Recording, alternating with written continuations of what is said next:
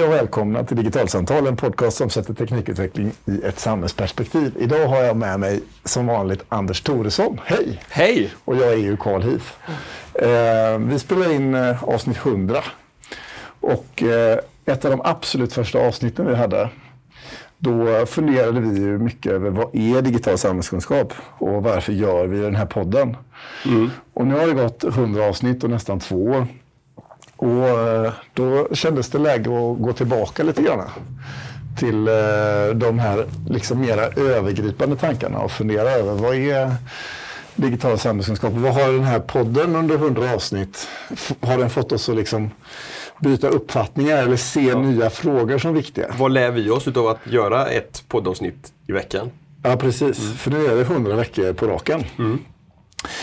Där befinner vi oss och vi tänkte så att vi eh, har gjort eh, varsin eh, topp tre-lista. Vi står framför en whiteboard ja. på min arbetsplats på RISE i Göteborg och tittar ut över massa kludder som vi har gjort. Krypterad handstil skulle man kunna säga. Krypterad handstil, vi använder inte den så mycket kanske. Och där vi funderar just över vad är, vad är de här sakerna som vi har lärt oss på 100 avsnitt. Ska du börja med någon, liksom, en av dina tankar? Ja, och då tror jag att utav de tre punkterna som jag har skrivit upp så skulle jag vilja börja med den sista som jag skrev ner och det är en insikt om hur otroligt mycket som går att göra med ettor och nollor. Hur tänker du då?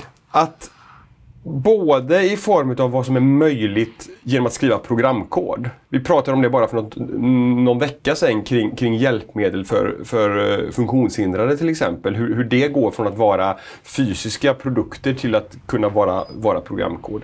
Så att dels hur mycket som går att göra med programkod och hur, hur, hur viktig den finns hur viktig den är överallt omkring oss. Um, men också hur mycket som går att göra eh, genom, genom dataanalys, vilket kommer, vi kommer komma tillbaka till i flera av de andra punkterna. Men det egentligen kan man säga att alltså, den här punkten handlar mycket för dig om att liksom, saker vi gjorde i köttvärlden med liksom, en maskin eller en särskild eh, apparat eller eh, en analog process blir digitaliserad. Och att väldigt många sådana processer som egentligen har någon form av liksom, samhällsfunktion idag också är digitala. Ja, och inte bara samhällsfunktioner utan även i näringsliv och, och allt möjligt. Och, och det, det, här är ju liksom inte bara kopplat till vad som har kommit ut i färdiga produkter och tjänster nu. Utan det här baseras ju också väldigt mycket på den eh, delning utav intressant läsning som, som försiggår i Facebookgruppen Digital samhällskunskap till exempel. Mycket utav det researcharbete som jag gör i mitt arbete som frilansjournalist också. Att det händer så otroligt mycket bakom kulisserna som inte når allmänmedia än. Därför att det kanske är för komplext eller för tidigt och så vidare. Men där det Ja, men det går inte annat än att, att häpna över saker och ting som faktiskt görs. Både på ett positivt och på ett negativt sätt, vilket vi kommer tillbaka i de andra punkterna. Men det, och, och det här, på något sätt när jag står här och säger det så känns det lite naivt att, att lyfta fram det här som sin första punkt i en podd som ska handla om just det här. Det borde inte vara någon överraskning för mig att, att det går att göra mycket med ettor och nollor. För det är på något sätt grundpremissen för att vi bestämde att göra den här podden för två år sedan. Men det finns ändå någonting i vad jag har lärt mig under de här två åren. Mycket tack vare digitalsamtal, men också i andra sammanhang i, i arbetet som jag har gjort. Att, som gör att jag ändå jag häpnar ganska ofta. Mm. Min, eh, min eh, nummer ett på samma lista av funderingar som jag har, saker jag lärt mig av hundra avsnitt digitalsamtal. Eh, på min topp ett-lista ligger nog eh, eh, väldigt näraliggande liksom vad data innebär och gör. Det går väldigt få avsnitt utan att vi pratar om data och om att liksom den data som vi eh, som individer genererar i vår vardag eller den data som maskiner som vi har konstruerat genererar eh, för att mäta och väga och förstå eh, världen omkring oss. Alltifrån eh, datan om hur vi rör oss och står och går och vad det kan vara till eh, internet och thingsbaserad data. Eh, sensorer i vår omvärld som mäter olika saker. Eh, data som genereras eh, på internet och i användningen av internet. Det finns så oerhörda mängder data och eh, just insikten i hur värdefull den har kommit att bli för vår samtid. Eh, jag vet inte vem det var som myntade begreppet eh, att data is the new oil, eh, men det känns för mig när jag tittar tillbaka på 100 avsnitt digitalsamtal som att det verkligen är så i väldigt hög utsträckning. Eh, och det blev eh, helt liksom manifesterat under den här eh, orkanen eh, för några veckor sedan i, i Florida när Tesla valde att eh, skicka ut en eh, patch till bilarna så att de kunde köra 30 miles längre för att komma bort ifrån orkanen fastän de inte hade liksom betalat för den räckvidden i sin bil. Då blev det ju rent bokstavligen så att data is the new oil eftersom det faktiskt var en dataöverföring som gjorde att de kom längre. Mm. Men, men någonstans så just det där värdet av en en produkt eller tjänst idag inte bara handlar om det fysiska värdet på den prylen. eller på liksom tjänstens fysiska manifestation utan handlar väldigt mycket om den data tjänsten genererar. Och vi har ju i många avsnitt eh, kommit till det här att produkter som vi uppfattar som en fysisk produkt i praktiken är någon form av datainsamlingsmaskin. Mm. Eh, och att det där antingen kan vara liksom ett värde för oss som individ eller att det är någonting som vi inte känner till och som, vi, vi har, mm. liksom, som, som på något sätt skulle liksom, eh, påverka oss negativt.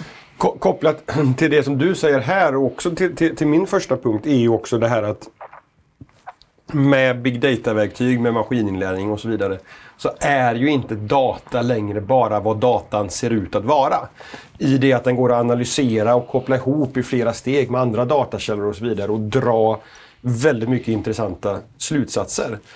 Uh, som går att använda på många olika sätt. Jag tänker liksom att den här, liksom, de första tre stegen av att samla in någon form av rådatamängd om dig, när man sen bearbetar och hanterar den så får man ut en helt annan typ av information som mm. inte var inputen av datan. Ja, precis. Och också när man aggregerar stora datamängder, att det går att dra otroligt intressanta slutsatser då också. Då, då blir ju ofta exemplen handlar ju om om oss som individer och personlig integritet och så vidare. Men jag har gjort många eh, intervjuer som handlar om hur stora datamängder används i industrin nu för tiden och kommer användas i industrin ännu mer framöver. Och där det går att, att optimera tillverkningsprocesser på helt andra sätt och kontrollera att den produkt som lämnar fabriken faktiskt är tillverkad på rätt sätt och så vidare. Tack vare att man nu inte bara har en borrmaskin som står och jobbar utan man samlar in data från den borrmaskinen. Vilka avvikelser finns det? Och sen kan man jämföra den datan med data från alla andra borrmaskiner man har på alla andra produktionsanläggningar runt om i hela världen där samma borrmaskin står och utför samma arbete.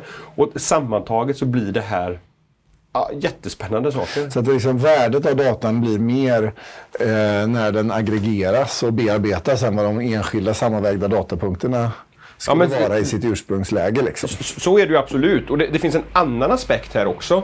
Och det är ju vilken konkurrensfördel jag tror att tillgång till data kommer ge på sikt. Därför att den som har data om sin produkt kommer kunna utveckla den produkten mycket snabbare och göra den mycket bättre för kunderna än vad en konkurrent som inte har börjat samla in data än kan göra. Och, men där ser vi flera exempel idag på bolag som har det som sin hela affärsmodell. Alltså jag tänker på Google mm. som har mutat in sökning som domän utifrån den kunskap och data mm. som de har. Det är väldigt svårt för någon annan att komma in och konkurrera på den marknaden utifrån att eh, de faktiskt har så mycket försprång genom all data som de äger. Och detsamma gäller med Facebook i någon mening och den data och sättet de organiserar data kring att skapa meningsfull social interaktion för människor. Och att det blir data plus nätverkseffekt som gör att det blir svårt för andra att ja, det blir så att säga stora monopol i vissa segment. Mm. Men, och det, det intressanta är ju att de exemplen som du tar nu, de är kopplade, det är rena IT-företag. Men jag tror inte att det är omöjligt att vi kommer se samma typ av konkurrensfördel kopplat till data när det gäller fysiska produkter också, därför att de blir datorer också.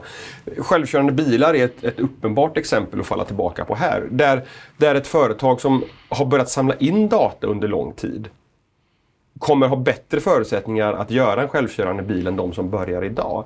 Och där de företagen som har lyckats bygga upp bra simuleringsmiljöer kan generera det som kallas för syntetisk data i en större takt än de som bara samlar in data från bilar som rullar på vägarna.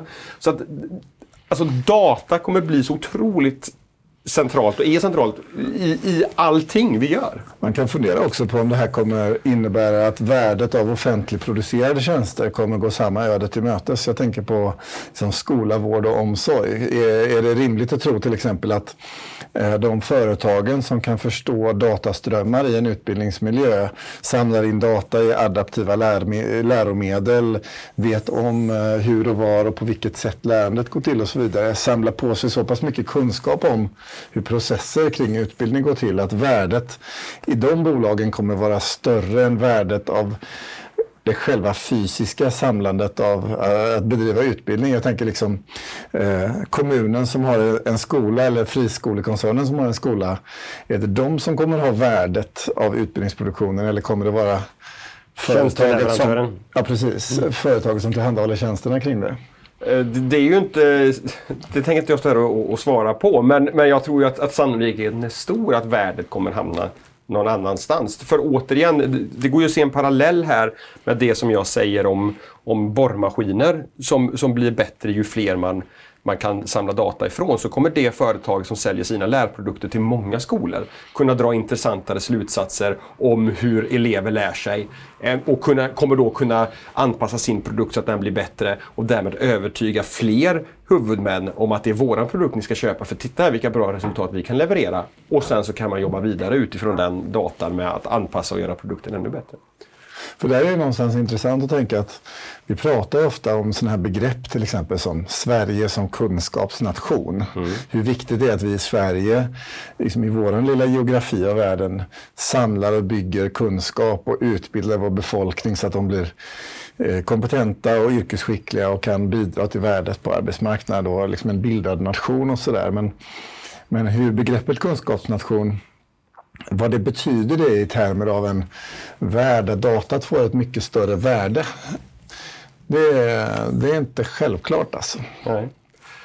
Om vi hoppar vidare på, på vår lista här. Eh, så nästa punkt som jag har skrivit upp är någonting som jag har tänkt och brottats med ganska mycket på sistone. Och det är en, en balansgång som jag känner kommer bli ganska den är redan svår och den kommer kanske bli ännu svårare framöver. Och det är att när vi ska väga samhällsnytta. Det här kopplar också till, till, data, men där vi ska väga samhällsnytta eller till och med nytta för enskilda individer gentemot den personliga integriteten. Vad tänker du då? Ja, där, där vi kommer kunna bygga eh, bättre, eh, förutsäga sjukdomar, vi kommer kunna ha ett bättre eh, kollektivtrafiksystem, allt möjligt tack vare det här, den här dataanalysmöjligheterna som vi, har, som vi precis har pratat om.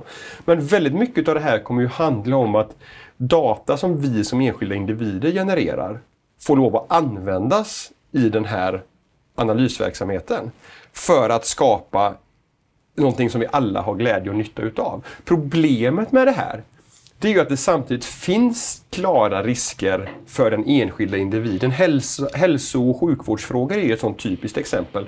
Där man kan på, på ett tidigt stadium nu åtminstone i, i labbmiljö eller i, i, i teoretiska sammanhang förutsäga utifrån rörelsedata i mobiltelefon eventuella kommande sjukdomar, typ Parkinson eller andra eh, ut, utav den typen av sjukdomar.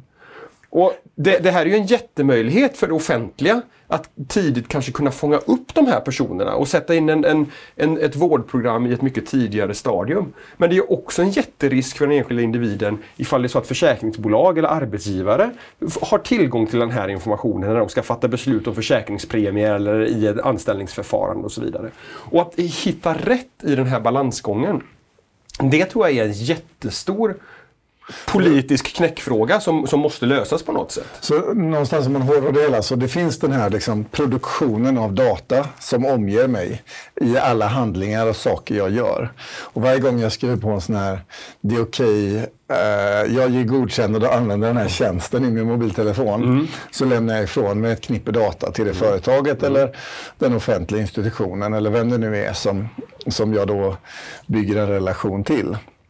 Och det du tänker där då, det är ju att eh, vem, liksom, var sker ägarskapet över den här datan? Var utgår man ifrån? Eller vad är, ja. vem har rätt att använda datan? Eller? Jag ska ta ett superkonkret exempel. Ett, ett forskningsprojekt som jag har läst om. Som, som var ett samarbete mellan Microsoft och några cancerforskare. Där eh, tumörer i bukspottkörteln upptäcks väldigt sent i sjukdomsförloppet. Jag har inte siffrorna helt klart i huvudet men, men överlevnadsfrekvensen, graden för cancer här är väldigt, väldigt låg. Um, och det visade sig då att när de här cancerforskarna ihop med Microsoft började analysera sökmönster i Microsofts sökmotor Bing från patienter som var, hade fått diagnosen och jämförde det med en kontrollgrupp som var friska. Så visar det sig att man i ett tidigt stadium utifrån vilka diffusa symptom som man börjar söka efter på nätet går tidigt att fånga upp och, och förbättra eh, överlevnadsgraden från väldigt, procentuellt sett väldigt mycket från väldigt låga nivåer. Och det här är ett sånt där typexempel på, tycker jag, som är, som är svårt. Därför att jag tror inte att det finns en allmän uppfattning om att den information... Vi, vi, vi pratar ganska mycket om att eh, sökresultat är personanpassade. Den förståelsen tror jag börjar finnas. Att vi matar inte in våra sökord i ett, i ett vakuum utan det här är mina data Google-sökningar är olika än dina och jag får tillbaka andra svar. Ja, den och, liksom- ja, och det är baserat på vem vi är och vad vi söker på och så vidare. Men jag tror inte att det är självklart att man förstår att mina sökningar kan användas ihop med dina sökningar och alla andra sökningar för att dra slutsatser som gäller oss alla. Forskarna i det här fallet, de, de skissar ju på en framtid där de tänker att det skulle kunna, man skulle kunna tänka sig att det rätt som det dyker upp en, en varningsruta när man gör sin sökning. Om att nu kan det finnas anledning för dig att söka till en vårdcentral och be dem undersöka de här sakerna. Sannolikt är det ingenting, men det finns ändå saker i dina sökningar som tyder på det här. Och Det här är ju en jättenytta både för samhället i form av tidigare insatser, men också givetvis för den enskilde som, som ökar sina överlevnadschanser ganska dramatiskt.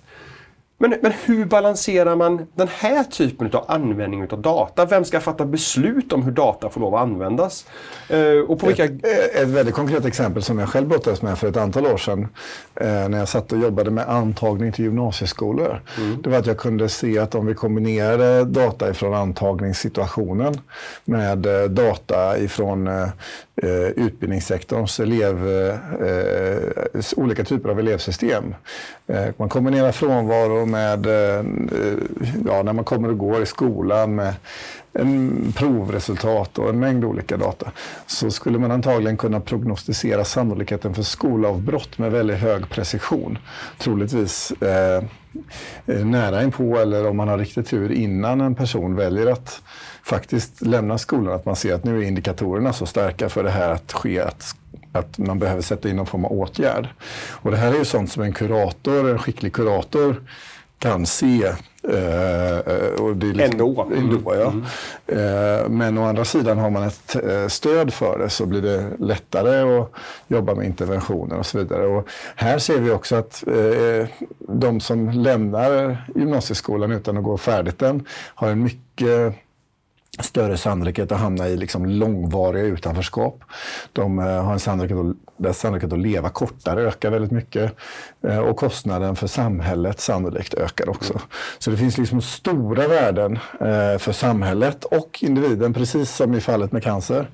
Men eh, Samtidigt är datan man då samlar in om individen när den går i skolan ganska så eh, personnära till sin natur. Och för mig, jag landar väl lite i det där att ja, men det blir väl nästan en politisk fråga. Alltså vad är det vi anser är data som är samhällsnyttig och vilken liksom, juridisk status ska sån data få? För, för det finns ju en, en, en diskussion här som handlar om, om var någonstans är det regleringen ska ske. Är det datainsamlingen som vi ska reglera? Eller är det tillämpningen som vi ska reglera? Och det är också en viktig fråga därför att om vi, om vi, reglerar, om vi reglerar datainsamlingen då skulle vi kanske aldrig kunna ha, ha fått det här caset med, med, med cancervarningen. Men om vi å andra sidan reglerar användningen och tillåter insamlingen, då kan vi inte vara säkra på att data inte missbrukas. Sen, sen skulle jag också vilja bara poängtera här att det finns en annan aspekt. Alltså när vi pratar om personlig integritet, så i det begreppet så lägger vi ju till vardags eh, vad andra får veta om mig. Men det finns ju andra aspekter av personlig integritet också. Och En, en sån eh, är en slags tankefrihet. En, en integritet som handlar om att jag ska få fatta beslut på egen hand och komma till... Utan att en algoritm kommer och försöker påverka det i en eller annan riktning. Ja, precis. Och, och, och, eller att jag ska åtminstone liksom uppleva att det är någon som här försöker övertala mig att, att luta åt det ena eller det andra hållet. Men den här datan gör det ju också möjligt att påverka mig i situationer och på ett sånt subtilt sätt. Att jag kanske inte ens märker... Det ut för precis hela tiden. När du spelar ah. Candy Crush Saga så ja. vill ju, nu tror jag inte du gör det, men om du hade gjort det så, så hade ju hela den appen varit designad för att få dig att vilja betala dem mera pengar. Absolut, och det finns ju ett helt, helt forskningsfält som, som kallas för nudging. Där man med, med, små subtila saker får folk att ändra sitt beteende på olika sätt. Och det här är ju något som används både i, i, i hälso och sjukvård men också i marknadsföring av kommersiella produkter. Uh, och det, det, här är heller, alltså så här, det är skitsvårt Karl. Ja, det är svårt. Alltså, men var landar du i någonstans? Liksom, väger du liksom, eh, i vågskålen liksom, personlig integritet kontra samhällsnytta? Om det skulle vara liksom, en linje som jag skulle tvinga dig att liksom, ställa dig på, hur skulle du förhålla dig? Du menar ur... ur, ur... Ja, ett rent principiellt perspektiv. Eh, är det så att eh, för någonstans, det känns ju nästan som en liksom klassisk politisk fråga. Så här, vad är det som är det kollektiva mm. goda och det kollektiva nyttiga kontra individens eh, nyttigheter? Och vad är det en gemensam stat ska råda över och vad är det individen ska råda över? Kan jag få lov att svara på den frågan genom att hoppa till min tredje punkt? Absolut. För där har jag skrivit på våran whiteboard här hur svårt, det, det som, har, som har dykt upp också som en, min tredje insikt, då, det är hur svårt det är att ha en bestämd åsikt. Hur tänker du med det då? Ja, så här tänker jag. Det känns ju lite som ett billigt sätt att komma undan min fråga här. ja, vi får se om du tycker när jag har eh, liksom resonerat klart här också. Så här, när, när vi drog...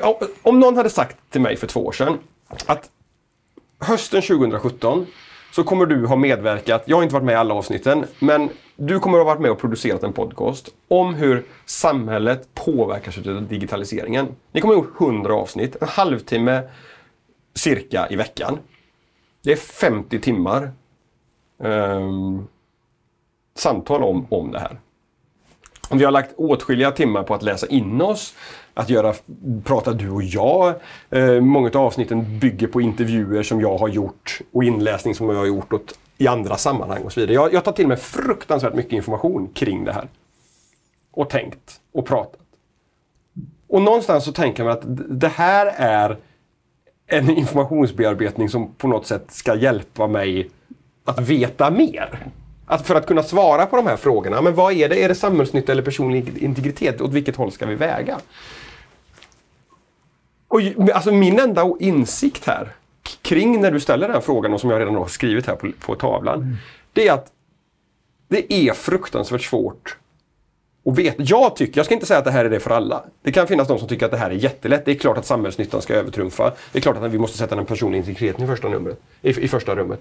Men, men, för mig är det så här att när jag pratar med en person så kan jag tycka att ja, men det är klart att vi måste tänka på framtiden på det här sättet.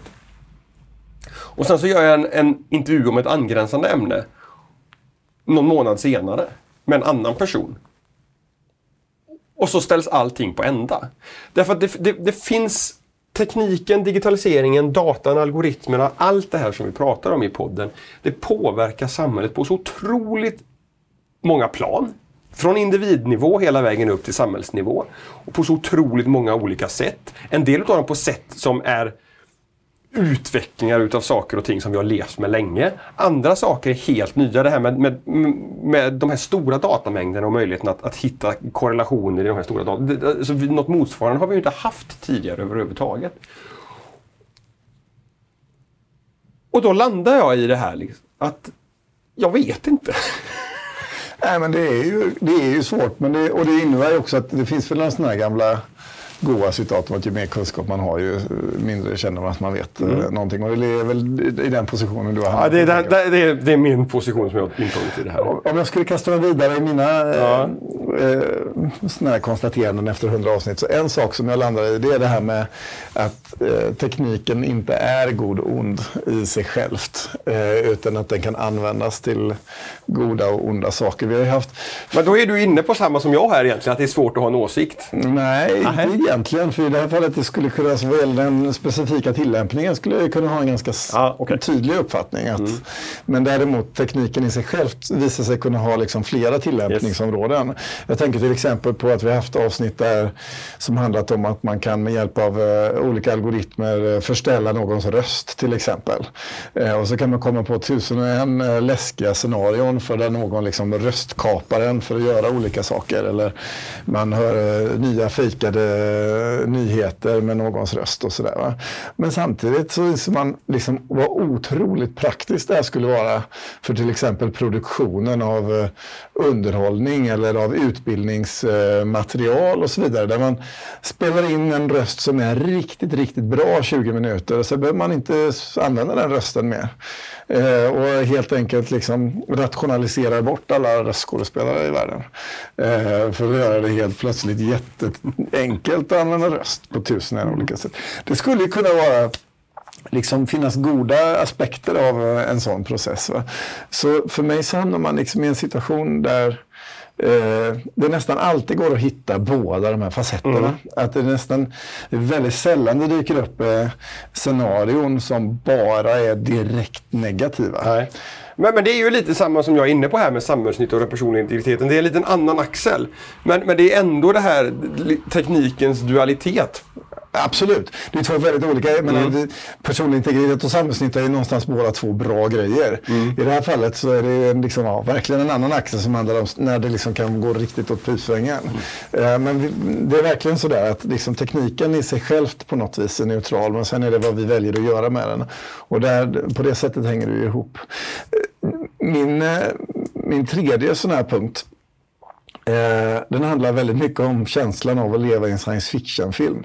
För vi läser ju både du och jag väldigt mycket som har med teknikutveckling att göra. Mm. Och jag har en sån där eh, liten reflektion kring det där. Att liksom all teknik som finns före man själv har fötts, den tar man helt och hållet för givet. Eh, vattenglaset på bordet eller pennan man har i handen, det upplever jag inte som teknik. Men när det uppfanns en gång i tiden så var det liksom state of the art-teknik i sin tid. Och den teknik som uppstår under ens egen livstid, tidigt i ens liv, den ser man som ny teknik och sådär. Och det som man liksom knappt kan föreställa sig, som man läser om i science fiction-böcker, det, det är magi i princip.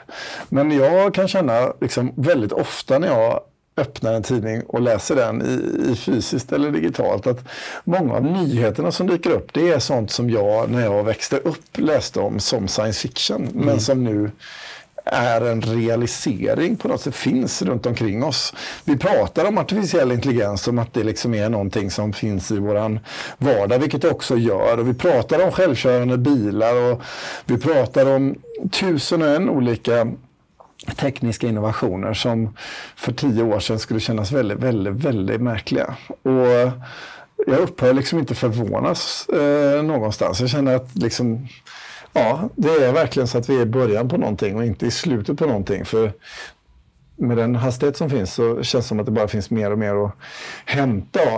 Och där kommer jag väl till någon form av sån här, ja men lite av en insikt på något sätt som handlar om det där med att vad, vad, är det vi måste kunna i samhället? För det var någonstans mm. den frågan vi hade när vi började den här podden.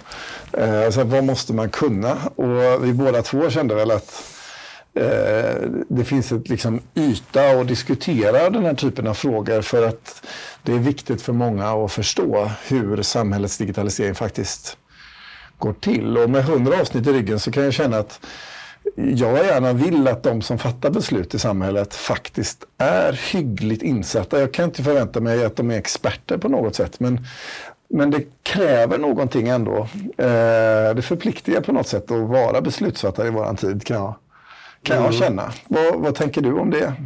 Vad kan vi ställa de kraven på? Ja, det måste vi kunna göra. För, för annars är ju risken att mycket av det här kommer att gå åt pipsvängen, tror jag. Därför att det finns så stora möjligheter att fatta dåliga beslut åt alla möjliga håll här. Att, att vi kan ha alldeles för slapp lagstiftning som gör det möjligt för, för företag eller myndigheter att utnyttja alla de här möjligheterna på alldeles förskräckliga sätt. Det finns också en stor risk att man för att skydda det som man tycker är gott går alldeles för långt i regleringen utav den här tekniken. Och ja, det här är en utav... Jag, jag kan tycka så här att det här är en jätteviktig politisk fråga. På, på internationell nivå egentligen, men, men också på svensk nivå givetvis. Att, att fundera på hur ska vi hur ska vi hitta rätt nivå på att reglera teknikens möjligheter? Och vad är det vi ska reglera? är det Alltså, för att ta datainsamling, är det datainsamlingen eller är det hur data får lov att användas? Och hur, när man har, har fattat ett beslut om det, var någonstans vi ska lägga våra, våra regler och lagar. Hur gör man det då så att effekten utav det, man sätter sig och formulerar en lagtext, faktiskt blir det som man hade som ambition att det skulle vara i diskussionerna kring det här. Och här hamnar vi någonstans i den här utmaningen att merparten av vår lagstiftning bygger på idén om ett samhällskontrakt som är geografiskt. Mm. Att eh, här i Sverige så fattar vi beslut med svensk lagstiftning och i EU så fattar vi beslut med EU-lagstiftning och sen har vi ju till och med kommunallagen och liksom det fria, eh, fria kommuner.